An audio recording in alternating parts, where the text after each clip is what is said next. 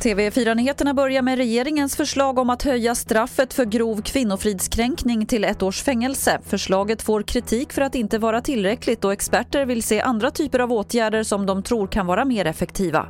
Man måste använda frihetsberövande i mycket större utsträckning.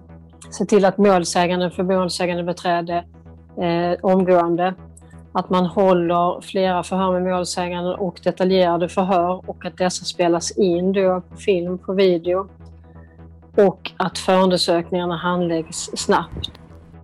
Det sa advokat Ulrika Rågland. En kvinna i 70-årsåldern i Dalarna som sökte vård för svår huvudvärk fick rådet att ta en värktablett och avvakta. Fyra dagar senare avled kvinnan mitt under ett samtal med en läkare.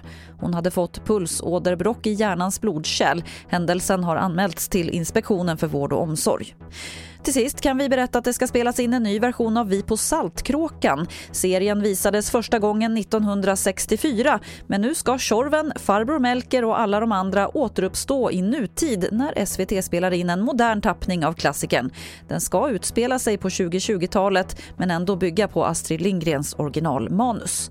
Det var det senaste från TV4 Nyheterna. Jag heter Lotta Wall.